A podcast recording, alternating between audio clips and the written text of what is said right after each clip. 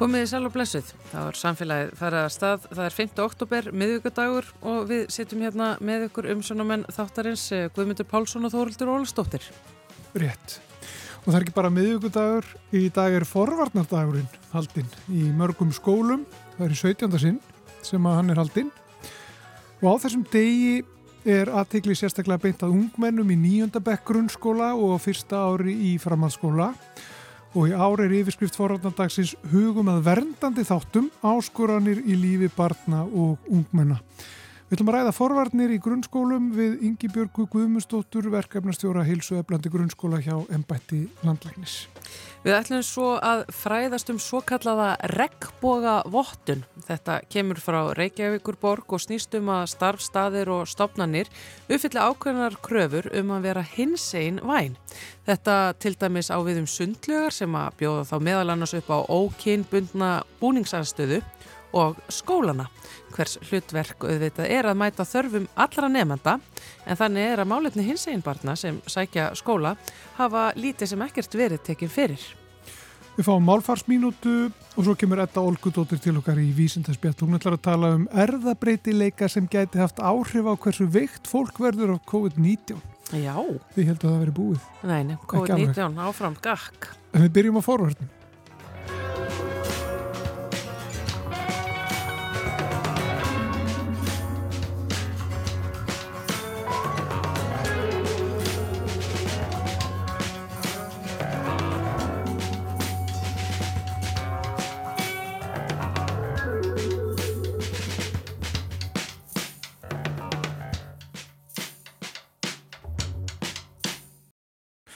Hún er sérst hérna hjá okkur Ingi Björg Guðmustóttir sem er verkefnastjóri hjá Embætti Landlæknis, verkefnastjóri heilsuöflandi grunnskóla. Verður velkomin til okkar.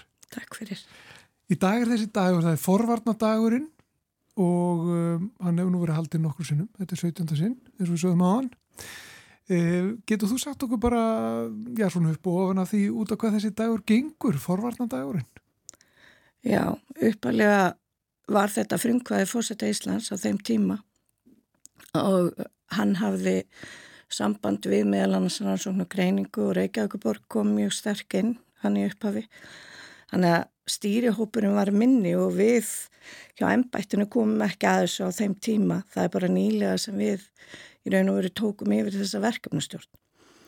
Og í 17 ár hefur verið prógram sannsagt fyrir nýjöndabækki grunnskólum og svo fyrir 12 árum þá bættist framhaldt skólinn við. Þannig að þetta hefur verið svona útvikast smá saman. E, við höfum, stýrihópurinn í kringum forvarnandaginn hefur stakkað og við erum komið með e, fleiri aðila að borðinu. Ég er nú alltaf ekki að fara að þylja þá upp svo ég gleymi engum. En e, það náttúrulega kallar á það að við erum kannski að horfa á ekki bara skólana heldur allt samfélagi líka og Íþróttarhefingin er þarna inni, skátarnir, e, samtök félagsmyndstöða og, og e, heimil og skóli og fleiri, samband íslenska sveitafélaga, auk náttúrulega rannsóknara greiningar og, og, og fleiri sterkra aðila og fósettin hefur alltaf stutt þetta verkefni sem er náttúrulega mjög mikilvægt og lengi vel var þetta kallaður forvarnadagur fórsetans. Mm -hmm. Þannig að hérna, okkur þykir mjög vænt um það að, að, að það haldist ennþá inni. En prógrami er sérsagt fyrir nýjunda bekk og fyrir fyrst ári í framhalskóla og það hefur undanferðin ár verið keirt bara akkurat á þessum degi. Þannig að skólanir hafa bara þennan dag til að vinna með þetta. En í ári erum við að horfa svolítið á allan oktober mánuð. Þannig að skólar geta enþá skrásið til þáttöku og unnið og allt efnið fyrir skólana er núna opið inn á vefsíðinni forvarnadagur.is þannig að það geta allir skoða það mm -hmm. og í tengslum við í raun og veru þessa vinnu með þessum tveimur árgangum þá erum við með verðlunaleg sem gengur út á að, að eh, annarkort einstaklingur eða lítið tópur, uh, hámark fjórir taka sér saman og gera myndband eða eitthvað rafrænt efni og senda inn og svo er valið úr því einn hópur í grunnskóla og einn í framhaldsskóla sem að fær verlun og bóð á bestastæði. Það hefur alltaf verið í kringum þennan verlunaleg. En skilir þið er að skólinn þeirra sé þáttakandi, sé búin að skrá þáttöku. Já, og þetta á hvetja náttúrulega til þáttöku í, í, í þessu verkefni. Já, meðalans. Um, sko þegar við tölum um, um forvarnir, sko þegar ég var í grunnskóla, sem yeah. er aldrei langt síðan, þá var þetta aðalega tvent sko sem við talaðum, það var, það voru reykingar, mm. ekki reykja, það er hættulegt og uh, það voru fíknefni, ekki nota fíknefni, það er hættulegt, mm. eða eiturlif eins og var satt þá. Um, það er um sko margt breyst síðan þá, væntalega, og, og þetta er ekki bara svona tvö plakkut hérna, upp á vegg eins og var. Er, það er markvist verið að vinna í forvöldnum, er það ekki alltaf meir og minna? Jú, og Margit Lilja fór svo vel yfir þetta á málþinginu sem við vorum með í morgun að við erum búin að standa okkur svo ótrúlega vel í því að ná niður drikju ungmenna, reykingum og fleira yfir þess að tvo, rúmu tvo áratygi sem við höfum unnið að þessu og í raun og veru það sem að, að gerði það að við gátum unni svona var að við tókum höndum saman. Það unnu allir að þessu saman og uh, þar erum við að tala um bæði ríkisvaldið, útvistara uh, hérna, laugin sem komu inn, fóreldraröldið, e, samfélögin með alls konar e, útivaktir og slikt og, og, og síðan nefnendur og e, hérna, félagsmjöstar, skólanir. Það tóku allir höndum saman og við unnum að þessu saman þess að náðum við þessum árangri. Mm -hmm. Í dag eru uh, áskonandinar að, aðrar og þar eru við, tölum við mikið um svefn og það hefur mikið verið talað um svefn og eh, það er náttúrulega, kemur bara skýrt fram ónt fólk eða unglingar, þeir sofa of lítið. E, það sem tengir svefninum og getur haft áhrif er náttúrulega koffín, nikotínið og skjámiðlarnir. Og auðvitað hefur þetta allt áhrif á hvernig börnunum líður. E, það kom líka svolítið ríkt fram á, á þessu málþingi að börnin eru líka, eða ungmennin eru orðin meðvitaðari um þessa líðan og kannski áður fyrir þegar við vorum ung, þá áttu við bara ekki til orð yfir þessa þætti, einmannaleika, mhm. einelti og ymsa aðra þætt bara hvernig okkur líður. Já. Eh, þau eiga núna orð yfir sína tilfinningar og fleira, þannig að þetta ætti að vera auðveldra fyrir okkur að vinna með þetta. Mm -hmm. Og við þurfum líka að hlusta á unga fólkið. Við þurfum að heyra frá þeim eh, hvernig þau myndi vilja eh, vinna þessu Já. og eh, tengja það saman við það sem við vitum og að nota námsefni og slikt sem við vitum að er rannsakað eða gaggreint eins og við köllum og það er kannski það sem við erum e, mikið að vinna með í gegnum heilsuöflandi grunnskóla sem dæmi og við erum náttúrulega með heilsuöflandi framhalskóla líka að það er að fá skólana svolítið til að skipulegja hvernig þau taka á þessum þáttum, hvernig þau er að vinna e, að þessum viðkvæmum námsþáttum eins og við köllum oft. Og félags- og tilfinningafærni ánáttúrulega bara að vera grunnur sem er kentur í öllum skólum markvist og byggt upp eftir aldri og þess aftar. Þannig að sko andli líðan er, er mikilvæg uh, í þessu samingi. Það, það er mikilvægt að, að beita forvörnum til þess að já, bara bæta líðan uh, ungs fólks. Já. Já. Og gefa fólki, e, eða ungu fólki, hugmyndir um hvernig það getur haft það gott án mm. þess að nota uh, eitthvað substitute eða eitthvað, eitthvað sem að, að hérna, breytir okkur og við hérna áður fyrir kringum forvarnadaginn þá vorum við alltaf að tala um að senka því að byrja að drekka. Nú erum við alveg farin að taka í aftin eða að drekka aldrei mm -hmm. og það er bara eitthvað sem er uh, raunveruleikin í dag. Það er bara margt ungt fólk sem tekur það ákverðin til dæmis að drekka ekki. Og það sem að, að við erum alltaf að fara aftur tilbaka í þetta en þetta er í raun og veru kannski það sem hefur verið kallað svolítið íslenska mótilið hvernig við náðum unglingar, við getum í raun og veru sett hvað sem er inn í hvernig við unnum þetta. Þó að þetta hafi ekki verið mótil í upphafi en hvernig við horfum á rannsóknirnar byggðum á því sem við vissum og unnum saman að því að ná þessum árangri þannig getum við unnið með alla aðra þætti sem að við sjáum að hérna, við þurfum að vinna með í forvörnu. Og er það gert? Við erum að reyna það Já. og við erum að reyna að fá skólana til að horfa á þetta í þessu samengi og þess vegna e, skiptir líka svo miklu máli við séum allt samfélagið undir. Við erum líka með nálgun hjá okkur sem heitir heilsuarblandi samfélag og þar eru við með tengili í samfélaginu sem að eru að tala við í raun og veru alla sem koma að e, börnum og ungmannum og það er það sem skiptir svo miklu máli. Börnin eru ekki bara í skólanum, við þurfum að horfa á e, hérna, íþróttastarfsemina, hvernig e, er talað þar, hvernig er komið fram við krakkana, hvernig eru fyrirmyndirnar þar, hvað er frambóðið í mm -hmm í hérna, íþróttahúsunum og fóreldrarnir eh, við heyrum það alveg að er þörf á fóreldraröldi lengur. Fóreldrarnir þurfa kannski bara nálgast hlutina á svolítið annan hátt en þetta að þekka hérna, börnvinaðina þekka fóreldrabarnana vita hvar börnin eru. Þetta er allt hluti sem skiptir máli. Og Dóra Guðrún Guðmustóttir eh, sviðstjóri Líðhilsusviss hjá ennbætti landlæknis kom einmitt inn á þá, hún hefur verið að ræða það svolítið í, í fjölmjölum núna undanfarið. Að það er ekki bara þetta að vera með uh, börnunum heldur líka hvað eru við að gera með þeim mm. eru við að láta þeim líða vel eru við góða fyrirmyndir eru við að í raun og veru virkilega láta okkur þykja vænt um börnin okkar hvernig, ekki eigðu við tíma með þeim, heldur hvernig verju við tíma með þeim. Er þetta gæðasnöndir? Og þetta er kannski það sem skiptir svo miklu máli.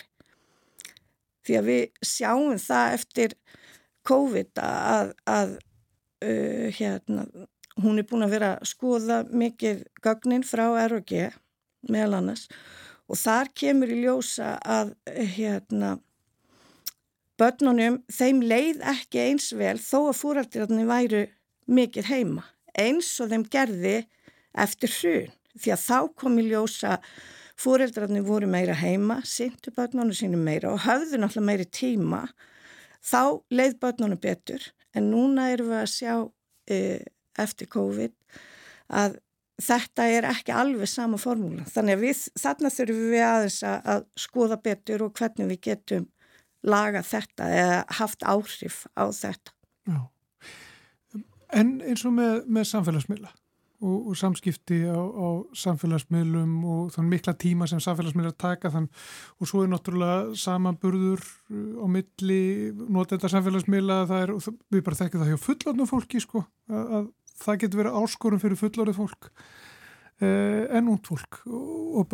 Er, er þarna þarf sérstaklega að huga þessu? Það þarf sérstaklega að huga þessu og þetta, þetta getur við tengt við svefnin þegar við erum á ræðum svefnin því að við vitum að samfélagsmiðlarnir hafa mikil áhrif og, og það kom líka skipt fram á málþinginu að eh, hérna, við þurfum að huga því hvernig við erum að nota skjáin. Erum við eh, með gæðatíma í skjánum eða er verið að nota nú samfélagsmiðlum? og þarna eru bara fóreldrarnir rosalega mikla fyrirmyndir. Við mm -hmm. vitum sjálf mörg að, að þetta getur verið tókstreita og þetta er svona svolítið heilalöst og það kemur fram alveg í tölunum frá rannsóknum og greiningu að þeir sem verja miklum tíma á samfélagsmiðlum, þeir virðast vera meira einmanna. Þannig að þetta er eitthvað sem þarf að horfa til og, og bara það að, að Eh, til dæmis fóreldrar virði mörkin, uh, aldursmörkin mm -hmm. sem að, að þú þarfst að hafa til að vera inn á uh, samfélagsmiðlum. Það er svona fyrsta skrefið og svo bara ég sem amma sko horfi á það að við eigum heldur ekki að vera að nota uh, YouTube-ið og þessa samfélagsmiðla sem einhverja friðþængu eða barnapíu fyrir börnin okkar. Svo við getum sjálf verið á... Já, eða, eða þú veist, í staðin fyrir að já, já. vera þá að gera eitthvað, sína einhverjum væntu þykja og, og, og þú sker eitthvað með börnunum. Já, en ef við tölum bara um, um aðgerðir og aðferðir til þess að, að að beita forvörnum sko, og, og ná þeim fram sko. ég talaði um plaggutin hérna þegar ég var ungur voru, þetta var ekkert mikið sko. Bubi Mortens kom og spilaði nokkuð lög eitthvað tíma manni í Gaggo og, og saði fíknirnir eru slæm sko. frábært í honum og, og hann gerði það lengi fór í skólara um, það var ekkert mikið en það voru plaggutin eins og ég mm. segi uh, hvaða leiðir eru einhvern veginn núna til þess að ná þú, þú talar svolítið þess að þetta sé bara eða allt samfélagi sem það er að taka þátt Já. í, í forvarnastarfi. Og það er það sem við höfum verið að gera hjá ennbætti landlagnis við höfum verið að móta þessa nálganir fyrir skólana, fyrir samfélagið. Þar eru gátlistar sem við eh, hérna, setjum fram og þá eru við að tala um lífsleikni, við erum að tala um geðrækt, við erum að tala um reyfingu og, og næringu og, og allt slíkt og það eru svona lista sem skólanir fá til að fylgja til að, að og þar setjum við fram þau atriði sem við teljum að sé æskilegt fyrir skólan að halda til þess að halda svona markvist utan um sitt heilsuöfningastarf og forvarnina náttúrulega falla þar undir. E, samfélagi þarf að styðja þetta og þess vegna sjáum við sko heilsuöfnandi samfélagi svolítið sem reglíf yfir e, slíkt starf og getur þá tengt e, þetta saman. Við höfum verið að vinna því að búa til svona verkfæri fyrir skólinn að vinna eftir. Það er engin kvöð, við viljum að þeir sem að skráðu sér til þáttöku haldi áfram þó að það getur verið öldut allur stundum og líka við höfum lagt ríka áherslu á það að það sé verið að kenna þetta inn á skólana. Það sé markvist eins og ég kom aðeins inn á áðan. Það sé markvist verið að sinna þessu í kennslu. Það sé ekki verið að fá einhverja utanakomandi til að koma inn, vera með erindi, börnin sitja eftir með spurningar, hver á svaraðum. Hérna áður fyrir var það kannski þannig að kom einhver fræðar inn, börnunum var uh, hérna hrúað á sál og uh, jafnvel kennur honum vísað út. Mm -hmm. og hver átti þá að taka við öllu því sem að komi í framhaldinu. Þannig að við þurfum að huga því að skólanir séu með gaggrengt, uppbyggilegt uh, efni og sé að gera uh, svona áallanir fyrir allt sko, uh, skóla stígin. Þannig að það byrji í fyrsta bekk og síðan sé byggt ofan á alveg þanga til í tíundu bekk og þetta er eitt af því sem við erum að vinna núna að með heilsöflandi skólu. Já, þetta er risastort verkefni og, og, og flókið og, og margðett. Það er það. Og teku tíma eða hvað? Og það er alltaf nýjar og nýjar áskorunir það er alltaf, alltaf eitthvað nýttir að takast á því og við þurfum að vera viðbúin. Já. við þurfum að vera viðbúin að geta eh, einmitt tekist á við þetta. Og við vitum það að grunnurinn að forverðnum er að styrkja einstaklingin og við þurfum að koma félagstilfinningafærni kennslu markvist inn í skólan og ég vona að það verði gert ekki kringum þess áallin með geðrætti skólu Já Við það, við sko ljúka þessu svona Yngibjörg Guðmundsdóttir verkefnastjóri Hilsueflandi grunnskóla hjá Embætti landlægnis. Takk fyrir að gefa þið tíma á, á forvartardeginum til að koma til okkar og ræða við okkur um forvartir. Takk fyrir.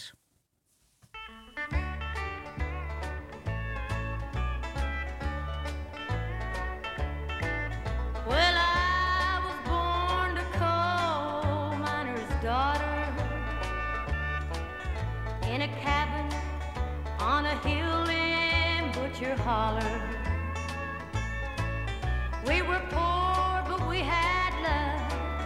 That's the one thing that Daddy made sure of. He shoveled coal to make a poor man's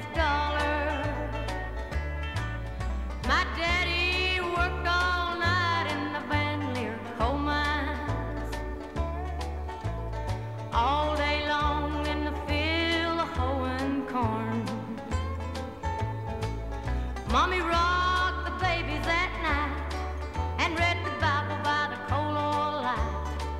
And everything would start all over come break of morn. Daddy loved and raised their kids on a miner's pay. Mommy scrubbed our clothes on a washboard every day.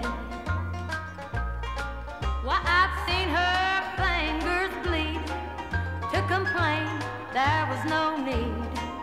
She'd smile in Mommy's understanding way. In the summertime, we didn't have shoes to wear. But in the wintertime,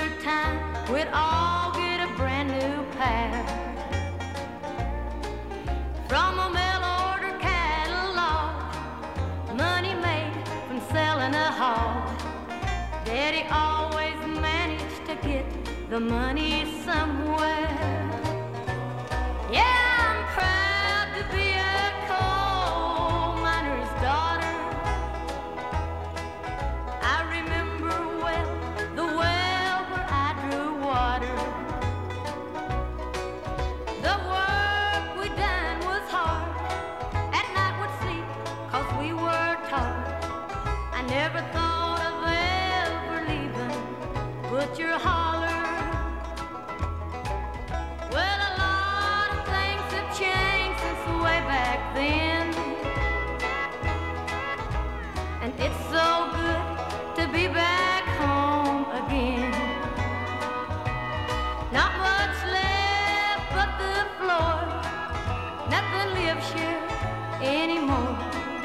Except the memories of a coal miner's daughter.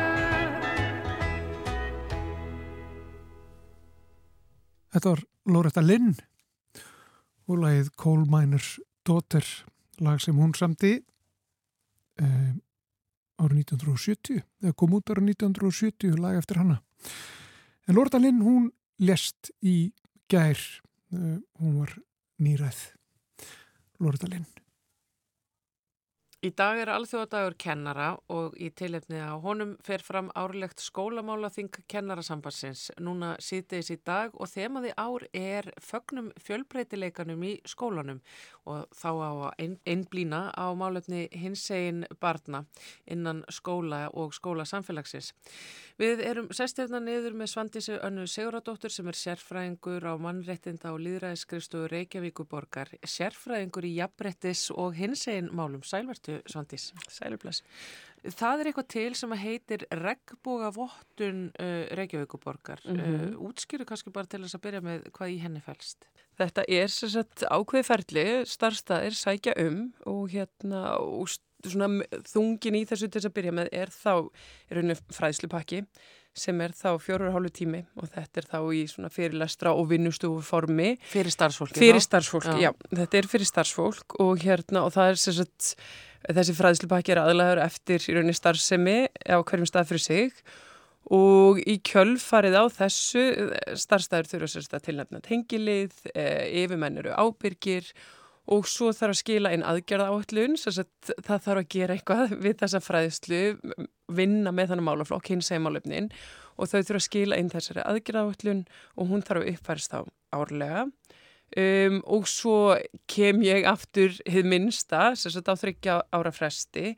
En í rauninni það sem er verið að reyna að skapa líka með þessu er bara, þú veist, ég er starfsmæður Reykjavíkuborgar, ég er að fara út á starfstæði Reykjavíkuborgar, veist, þannig að við erum samstarfsfólk að þau hafi aðgang að ákveðni þekkingu og ráðgjöf og bara spjalli um hins segmálefni, þannig að í rauninni til þess að bara virkja fólk í rauninni, veita um þekkingu sem er mikil þörf á og svo að nýta hana, gera einhvað við þetta. Og þessi regnbóðavottun er mm -hmm. náttúrulega eins og tilvundagsins í dag er eitthvað sem að skólanir mm -hmm. sækjast eftir að fá og mm -hmm. til dæmis að regnbóðavottun fyrir skóla sem að vill það, hvað þarf hann að gera fyrir auðvitað náttúrulega setja námski? Já, þannig að... Byrtist þetta svona bara okkur foreldrum og, og utanáttkomandi? Já, þá er í rauninni lögð áherslu á sko að hérna í, í gegnum þessar aðgerði sem, sem er síðan farið í, þú veist, regnbóðavottar skóli, það, það er allir að vita að hann er regnbóðavottar og ah. það á þá bæði við um sko starfsfólk á þetta að vera mjög meðvita um það, nefndur eiga að vita hvað það er og hvað það þýðir. Þetta á að vera kynnt fyrir fóreldra og fjölskyldur samfélaginu um, og svo þarf að finna leiðir til að koma þessu allstæðir inn í starfseminna og þetta er margla, þetta er ekki bara ok, þá tökum við eina bók og við kennum hana einu svona önn, svo er þetta búið. Þetta snýst um bæði þekkinguna, þú veist að, að kunna að tala, ræða og fræðum hinsheimálumni. Taka þau sérstaklega fyrir, taka þau fyrir þau komið upp hjá neymöndum og taka þau skipulega fyrir í gegnum kennslu og námsefni að samþætta í raunni. Svo snýst þetta líka um umhverfið, þú veist að skoða hvernig er umhverfi skólans, er, er, er ókengreind aðstæði bóði, ef hann er ekki bóði, hvernig ætlum að bæta úr því?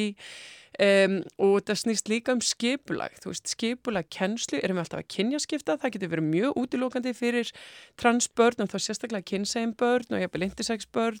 Um, og þá erum við kannski svolítið að, að íta undir einhverja staðalmyndir líka með þessu, þannig að hvaða leiðir getum við farið e, til þess að tryggja kynja blöndun Þú ert að tala þetta með þessa, þessa miklu tilhengu til þess að, að til dæmis í ammælum, að bjóða bara stelpunum mm -hmm. eða bara strákunum. Já, og þetta er til dæmis, það hangi nú inn á vef Reykjavíkuborgar undir hérna transbörn og skólar, ef að fólk bara hérna leitar að því, þá er það einmitt smá klausa um kynjaskiptingu eða kynjablöndun í skólastarfi og akkurat leiðbynningar varðandi ammælisópa fyrir skóla að því að fyrsti einmitt hérna grunnskólinn sem fór í gegnum regnbúavottun, launaskóli, þau e, fóru í gegnum þetta voru og svo að hausti voru þau að fara á stað og vinna þetta og þá hefðu samband að sögðu, herðu, við höfum alltaf verið með kynjaskipta ammælishópa, þú veist, þetta auðvitað gengur ekki upp.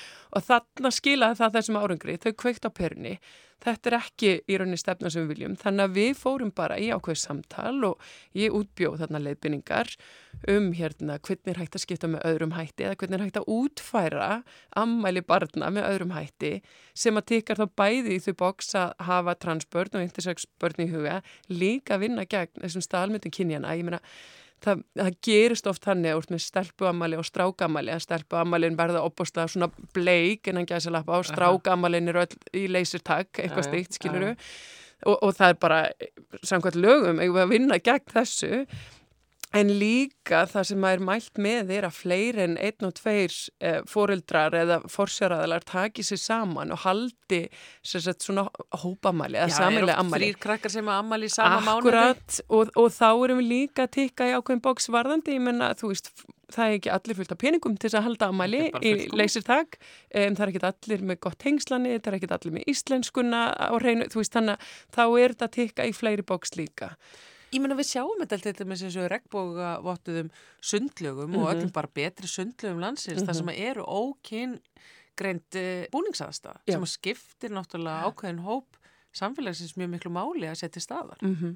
og, og akkurat að hún nefnir þetta, ég menna við fórum líka að stað með mikla vinnu og gáum út bækling bara fyrir starfsfólk sem er að vinna til dæmis í sundlögum eða einhverjum svona íþróttahúsnæði eh, til þess að svara bara fyrirspurnum sem að þau fá um bara transfólki í kingreindum rýmum og rættum ekki um sérklefana og nótkun á þeim og svo mhm. frammeist til þess að tryggja aðgengi fyrir alla hópa. Um, og líka svona til að koma í veg fyrir að fólk myndi telja, já, hér í sérklefi við bara skikkum allt transfólk þangað, ég menna auðvitað fyrir transkona bara í hvenna klefan og transkarli karla klefan ef þau það vilja, sko. En þetta er svolítið þú veist, þessi kynjamáli eru svo mikill og sterkur vingill auðvitað í regnbóðvottunni um, ég meina, þú veist, minn bakgrunn er úr kynjafræði og hins eginn fræðin kemur þaðan í gegn en við erum auðvitað að tala um sko transport, við erum að tala um bara öll börn sem verða undir uh, áhrifum af þessum hugmyndum um karlmennsku og kvenleika.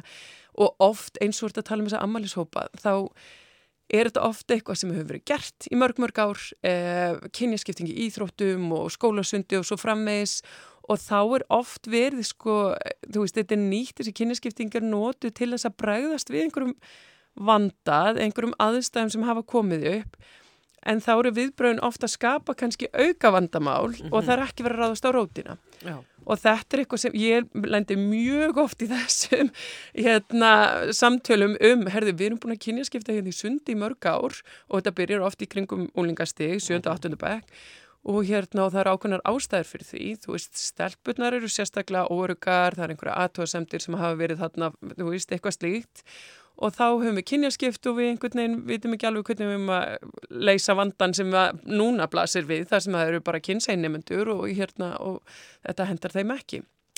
Um, þannig að þá er einmitt svolítið svona að stíga eins tilbaka og skoða rótina og, og líka þegar við erum að tala um þetta gömul börn að fræða og ræða við þau. Ég meina, þú veist, hvers konar menning er í gangi, af hverju líður einhverjum hóp illa að fara í sund, þú veist, hvaða aðtjóðsendir fá að vera og svo frammeis og líka bendæma og þessi kynjaskipting geti verið útilokandi þannig að þú veist, þetta verður oft mjög stórt samtal þegar ég er að fara inn og, og hérna með regnbóvottin í, í skóla. En er ekki tilfellið að það er auðveldar að ræða um þetta við sko nefendunar, unga fólkið okkar og börnin, heldur það nokkuð tíma kannski þau fullorðnir sem eru náttúrulega bara svona föstu við um va va vanans og, og bara með svona innbyggða fordóma.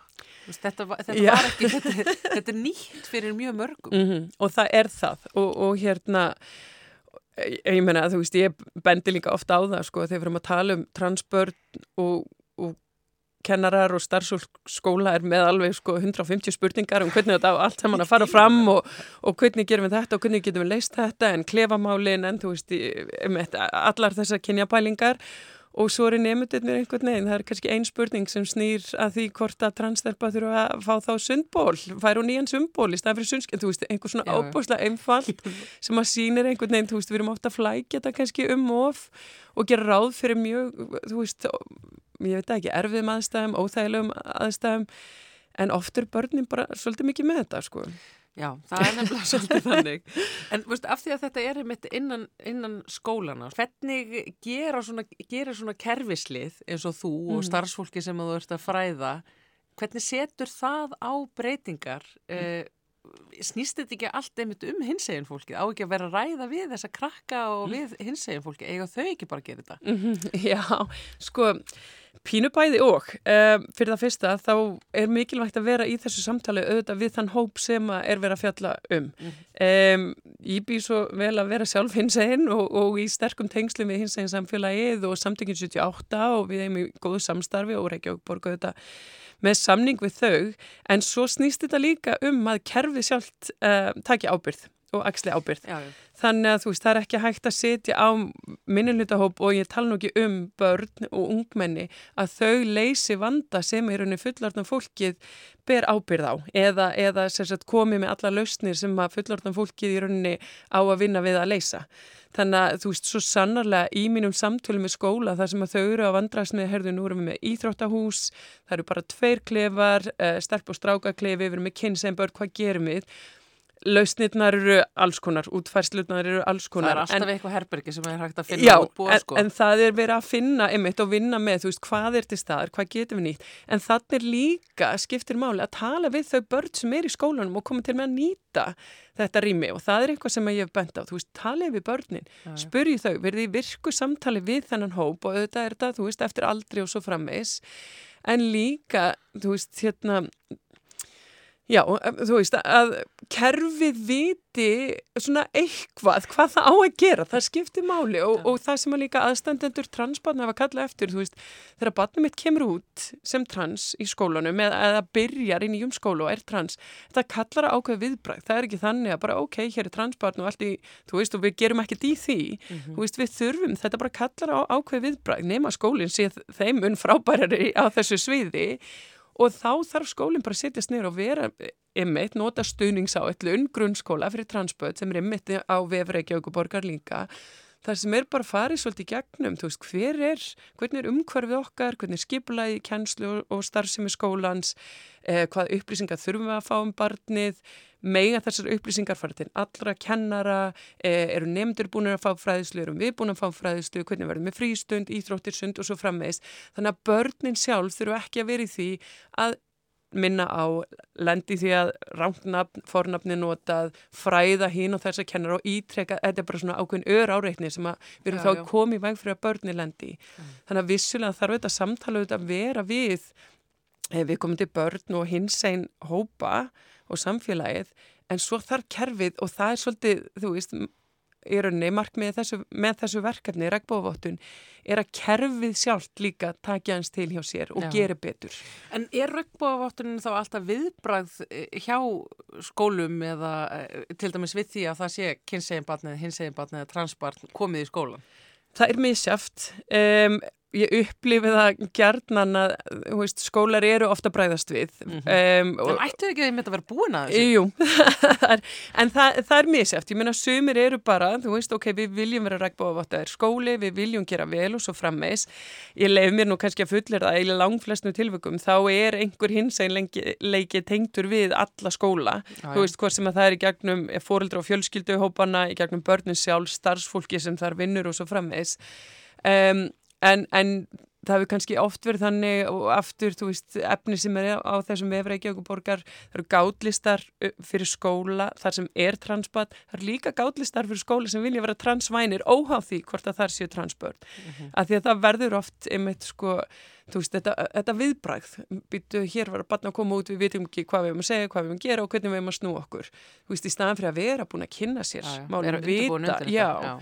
En, en ég menna, svo er það líka þannig og, og þetta bendi ég alltaf á, þú veist, það er ekki, þetta er ekki töfralaust, þú veist, það fær ekki um fjóran og hálfan tíma af fræðslu og svo vinna eitthvað áfram. Ég næ ekki að forrita alla þannig að þau eru með hins einn fræðin bara í, í hausnum á sér, því miður, það virkar ekki þannig. En þetta opnar augumarkra og meiri hlutans vil ég nú svona meina, en þetta er líka þannig að þau viti að hér er einhver sem vinnur við hann að málflokk. Það er hægt að hafa samband. Hér eru upplýsingar á vefsíðinu. Það eru ráðgjafar hjá samtökunum 78. Það er hins einn félagsmiðstöð fyrir börn og úlingastíði. Þannig að þú veist, þau verði upplýst um. Þau þurfu ekki verið með allar, öll svörin og allar upplýsingarnar alltaf en að þau viti hvar þau geti fengið upplýsingarnar Já. til þess að gera betur. Og þetta er allt hérna á þessum síðum ykkar, meiri sem hérna fyrir foreldra varðandi Mhm. bara, þú veist, alls konar svona gátlista, þú veist, um bara hins einn vænar uppákomur sem að foreldra standa fyrir Mhm. eða skólanir eða, veist, þetta eru öll skólasteg og allt, þannig að Mhm. þetta er mjög svona, þetta er mjög yfirgrifsmikið. Sko, varðandi bara veist, að að uh, þetta er Reykjavík borg, en, en, en er þetta gerast í öðrum sveitafélögum? Eru önnur sveitafélög að stíga þessi skrif líka? Ekki með þessum hætti. Um, ég veit að það eru auðvitað einhver sveitafjölög, svo sem ekki mörg, með hérna, samninga við samtökjum 78 og, og eru þar að fá auðvitað þessa fræðslu eins og Reykjavík borg en til nefnda en líka einhvað en til kennara og starfsfólks sem er gott og vel. Um, en það sem við erum að reyna að gera með þessari vottun og þessu ferli sem við erum að stilla upp og eftirfylgninni er að tryggja að þetta verði í rauninni ekki eitthvað sem tæmist bara um leið og fræðislan klárast uh, eða sem sagt gleymist að, að þessu sé viðhaldið og að þessu sé komið svolítið svona kerfislega inn, ég meina þú veist, þetta er ofinbært kerfi, stórt kerfi að við séum að samþætta og við erum kannski að nýta okkur svolítið hérna svona kynjajabrettis um, í rauninni verkfæri í, í þeim skilningi og ég meina það er bara þannig, þú veist, veruleikinni sáar, það er ekki mikið af hins einn bókum, hins einn fræðuslefni, hins einn kennslubókum eða bara kennslubókum þar sem hins einleiki kemur stert fyrir, þannig að við erum svolítið að finna upp í rauninni Hjólið, hjólið, bara víða, en hérna, en þú veist, já, en, en þetta kalla náttúrulega álíka, þú veist, það þarf einhver að vera til staðar til að sinna þessu, að Andóni hálsmálið á öllum. Já, og, og það er kannski ekki, ég veit ekki til þess að það sé einstar hjá einu sveitafélagi eða hjá hennu ofinbæra einhver starfsmæður sem er sérstaklega að vinna við hinsæmálumni. En er ekki líka þá takmarkið með þessu, svona langtíma takmarkið með þessu öllu sem hann er að þetta þurfi ekki?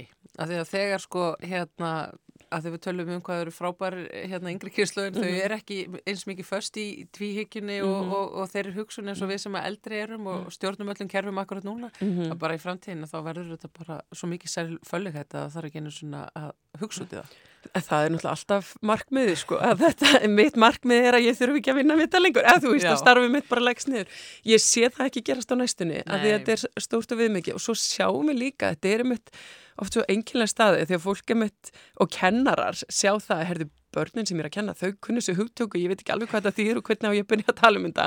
Ég meina þetta eru oft svona fyrsti, fyrsta skrefið eða svona ákveðin hjalli sem að hérna, starfsfólk í skólum þarf að komast yfir og þau tengja öll við það því ég spyr, er þið pínu órug, kannski einhver hæðsla þarna við að segja rámt um óga, virka fórtumafull og þau kingja, kingja Já, öll kolli. Já. Já.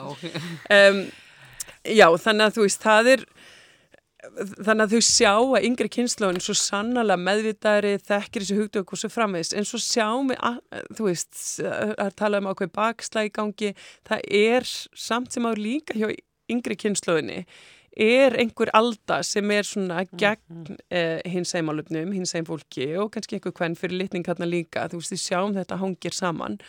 Um, og það þarf að vinna aktíft alltaf um, með, þú veist, mannéttindi og hins eimál og öll hinn málinn undir þessum svona fjölmenningar hatti og fjölbreytileika um, til þess að koma í veg fyrir að þessi svona í haldsfordómafull öll einhvern veginn að þau verði ofan og það er einhver vinna sem að ég held að verði seint óþörf sko. Já, vissulega og mögulega.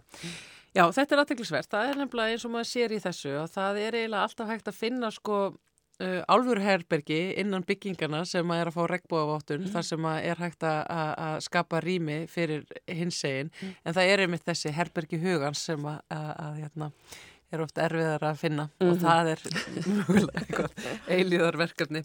Takk hella fyrir að koma hérna til okkar, Svandi Sanna Sigurðardóttir, eh, sérfræðingur í jafnbrettis og hins einn málefnum á mannrættend á Lýraæskristu Reykjavíkuborgar og ég hvet hlustu, hlustendur til þess að kíkja hérna inn á þessa síður um regnbúavottun Reykjavíkuborgar og skoða eh, alla listana og leiðbynningarnar og upplýsingarnar sem er hægt að finna um trans og hins einn börn. Takk hella. Takk fyrir mig.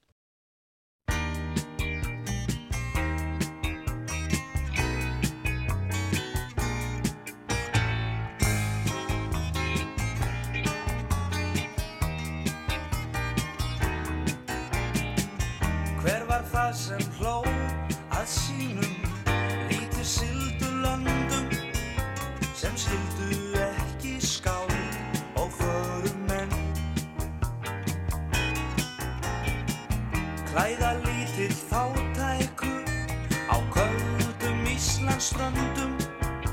Hann kemur fram í huga okkar enn. Var hann helgur maður eða latur flæking sundur? Var hann sendur til að vekja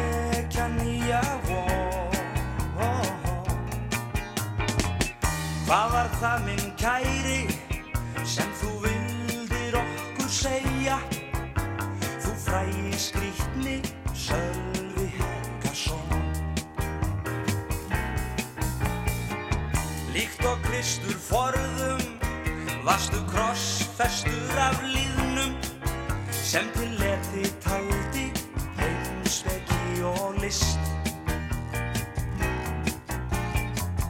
Höfvar hönd og hugur þinn Og að þér hændust börnin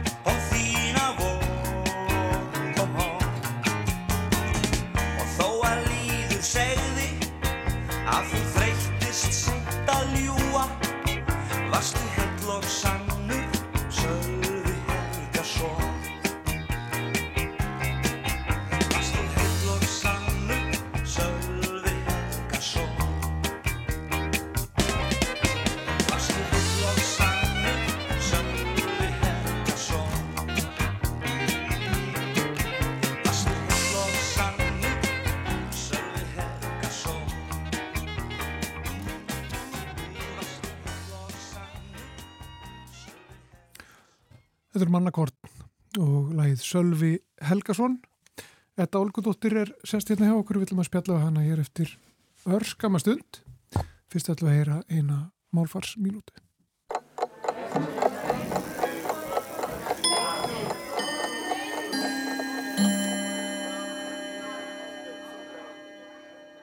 Orðið fang, sem stundum merkir fóstur en oftar faðmur, getur líka verið samheiti við orðið glíma. Það kann að vera slangsótt en er það síður ef við tengjum það við orðið fangbröð. Þegar tekið er fang við einhvern eru tekin glímutök.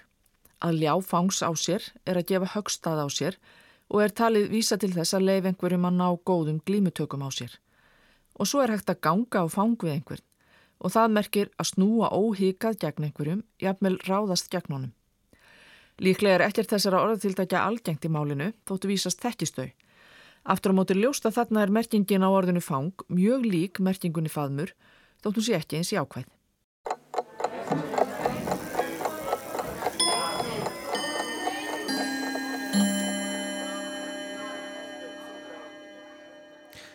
Og þá komið að vísandaspjallinu hér að lo lokinni þessari málfarsmínútu frá önnu Sigrið Þráhansdóttur.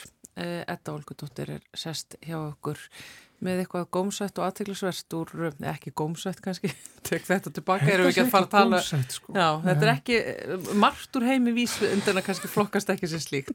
Þú ert að fara að tala um COVID-19 líka þannig Já, að einmitt. það finnur ekki bræð eftir að hafa fengið það. Við skulum nota hérna húttakið áhugavert, Já, frekar en gómsætt. það ábetur við, það er alveg rétt.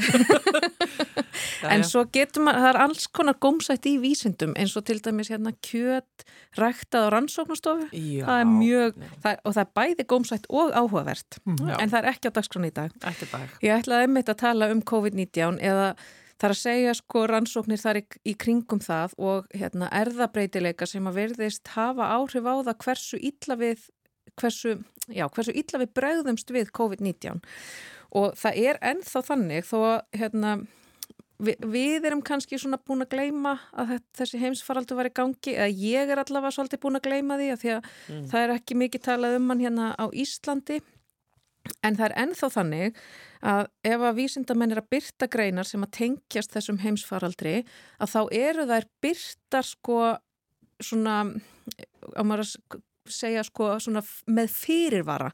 Vegna þess að það er tekur svo opbáslega langan tíma að klára þetta hérna yfirlestur af þeim sem að þekkja til og þeir þurfa að gaggrína og svo er upp, greinin uppfærð og, og stundum ertu sko búin að skilin greininni þú veist, ári áður núna er byrt í tímaritinu. Já, en þessar greinar sem er tengjast COVID-19 að þær eru byrtar með þeim fyrirvara að þá eftir að klára yfirlestur á þeim og, og þetta er ekki loka útgáfan af greininni. já, ekki svona þá ritrýndar eins og heitir. Já, alveg rétt. Emi, þá eftir að ritrýna greinina en hún er samt komin í Nature Já. og það er bara, hún er bara vel mert um það að það á eftir að klára, ritrín, að klára að ritrýnana.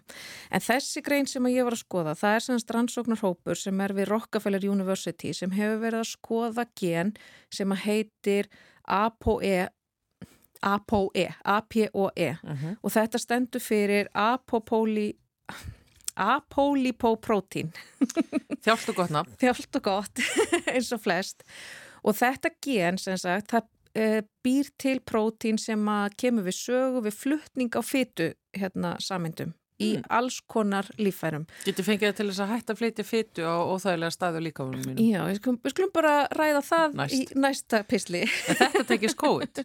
Þetta tengist COVID en þetta reyndar þá tengist þetta gen bara auknum líkum á alls konar sjúkdómum og til dæmis þá verðist það e, tengjast auknum líkum á Alzheimer, það verðist tengjast auknum líkum á hérna æðakölkun og líka bara hérna svona mm, bara ónæmiskerfin í heilt, bara hvernig það virkar þá verð ef við erum með ákveðina, ákveðin breytileika af þessu geni. Er þá bara ekki hægt að fjarlæga það fyrst það er svona, til svona mikill, að vandra? Já, það væri voða, voða næs. en þetta er þannig og svona bara við aðeins tökum grunninn vegna þess að þetta er pínulítið rugglandi. Við erum öll með, við erum öll með þetta gen, A, P og E og við erum öll með tvö eintök af því og eitt kemur frá móður og eitt kemur frá föður. Og þessi gen, þetta er sama genið en það getur samt verið ákveðin breytileiki í því. Og þá er talað um að við séum með gena samsætur þær eru ekki alveg eins en þetta er samt genið, þau eru bara á sikkurum samstæðum litningum sem koma frá sikkuru fóreldrinu og þessi breytileiki sem er til staðar í öllum genum allstaðar í erðamenginu er yfirleitt bara á því stigi að, hérna, að það er bara breytileiki í geninu sjálfu og það hefur yfirleitt ekki áhrif á prótínafurðuna sem kemur úr þessu geni. Ah. En stundum þá er breytileikin það mikill að prótínafurðin er ekki alveg eins og prótín er búið til úr sko aminosýrum og prótínin sem við erum með eru búin til úr 16 mismunandi aminosýrum sem er raðað í ákveðna röð og aminosýrurnar eru líka veist, þær eru með ákveðna eiginleika þannig að getur verið, það getur verið breyting úr einni aminosýru yfir í aðra án þess að prótíni sjálf missi sko virknina vegna þess að aminosýrurnar sem að aminosýrurnar geta verið með líka eiginleika mm. og þannig getur við verið með breytileika í genum sem að yfirfærist allar leið yfir í prótínafurðina án þess að það yfirfærist allar leið yfir í virknina á prótínu á sko dramatískan hátt skiljiði, vegna þess að aminosýrurnar eru bara nógu líkar til þess að virknin helst eins. Ok, skil. Og þetta er til dæmis það sem að þetta á við allstaðar og við erum með þá þarna í þessu APOE geni erum við með þekta breytileika í hérna geninu og í prótíninu sem virðist íta undir myndun Alzheimer's. En það er ekki þannig að þetta, þessi breytileiki í þessu APOE geni uh, mun klárlega leiða til þess að þú færð Alzheimer. Og þetta er svolítið eins og kannski fólk tengir við hérna BRCA 1 og 2 genin, já, já, brakka, brakka genin, sem, a, já, sem að íta undir myndun brjóstakrabba meina og þá eru sko, allir eru með brakka 1 eða brakka 2 en svo eru sumir sem eru með stökkbreytingu í þessum genum Mhm. sem að ítir undir myndun brjóstakrabba meina og það er þá þessi erðabreytileiki sem getur verið mismunandi.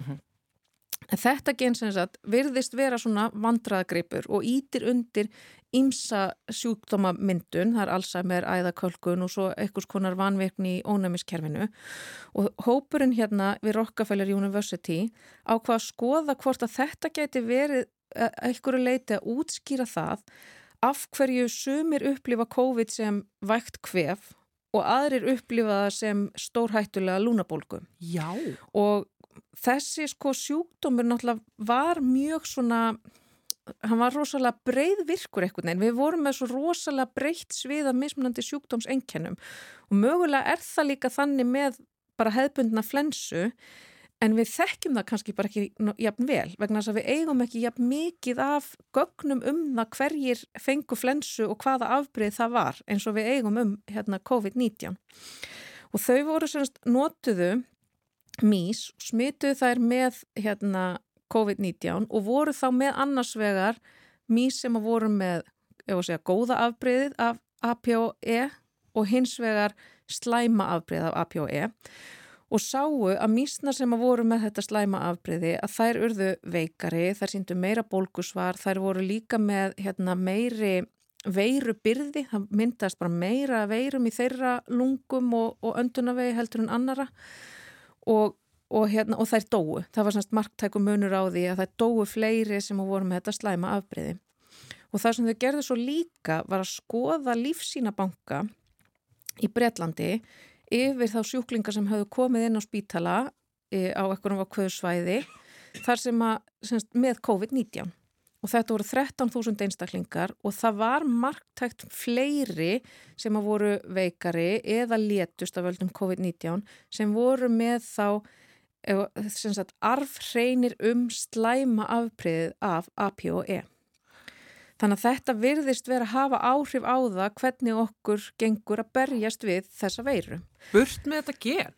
En svo er reyndar, það er ákveðið svona tvist í þessu líka vegna þess að þú með tvær samsætur, eina frá móður og eina frá föður og ef að önnur er slæm að þá er sko hinn sem er góð að hún tekur yfir. Þannig að þú þarfst að vera arfhrein um slæmu, slæma afbreyði til þess að þetta hafi hérna, slæm áhrif fyrir þig og það er alls ekkit svo algengt sko að þú sést arfsreitnum það. Þannig að þetta getur alveg, þetta, þetta er öruglega ekki það sem að hefur mestu áhrifin á uh, COVID-19 en klárlega spilar þarna rullu. Já, það er ekki byttuð nálinni alveg strax með uh, hvað það er sem að er að eh, gera COVID, valda því og, og gera það mjög slæmt. Þetta er allavega mögulega eitt. Takk fyrir þetta, Edda Olgudóttir, æfinlega uh, velkomin hingað í, í samfélagið uh, og við fáum í næstu viku. Kontu þá með eitthvað gómsett. Ekki mál, er það ekki? Ég ætla að Fyrir þess hennar að, þóldi. já, sem að á kannski ekki að vera að kynna inn vísindarspjall þegar hún er söng og er að hugsa um súkulæði. Já, já, ljúkum þessum þætti, uh, Þóruldur Ólstóttur og Guðmundur Pálsson, hvaðja? Verið sæl.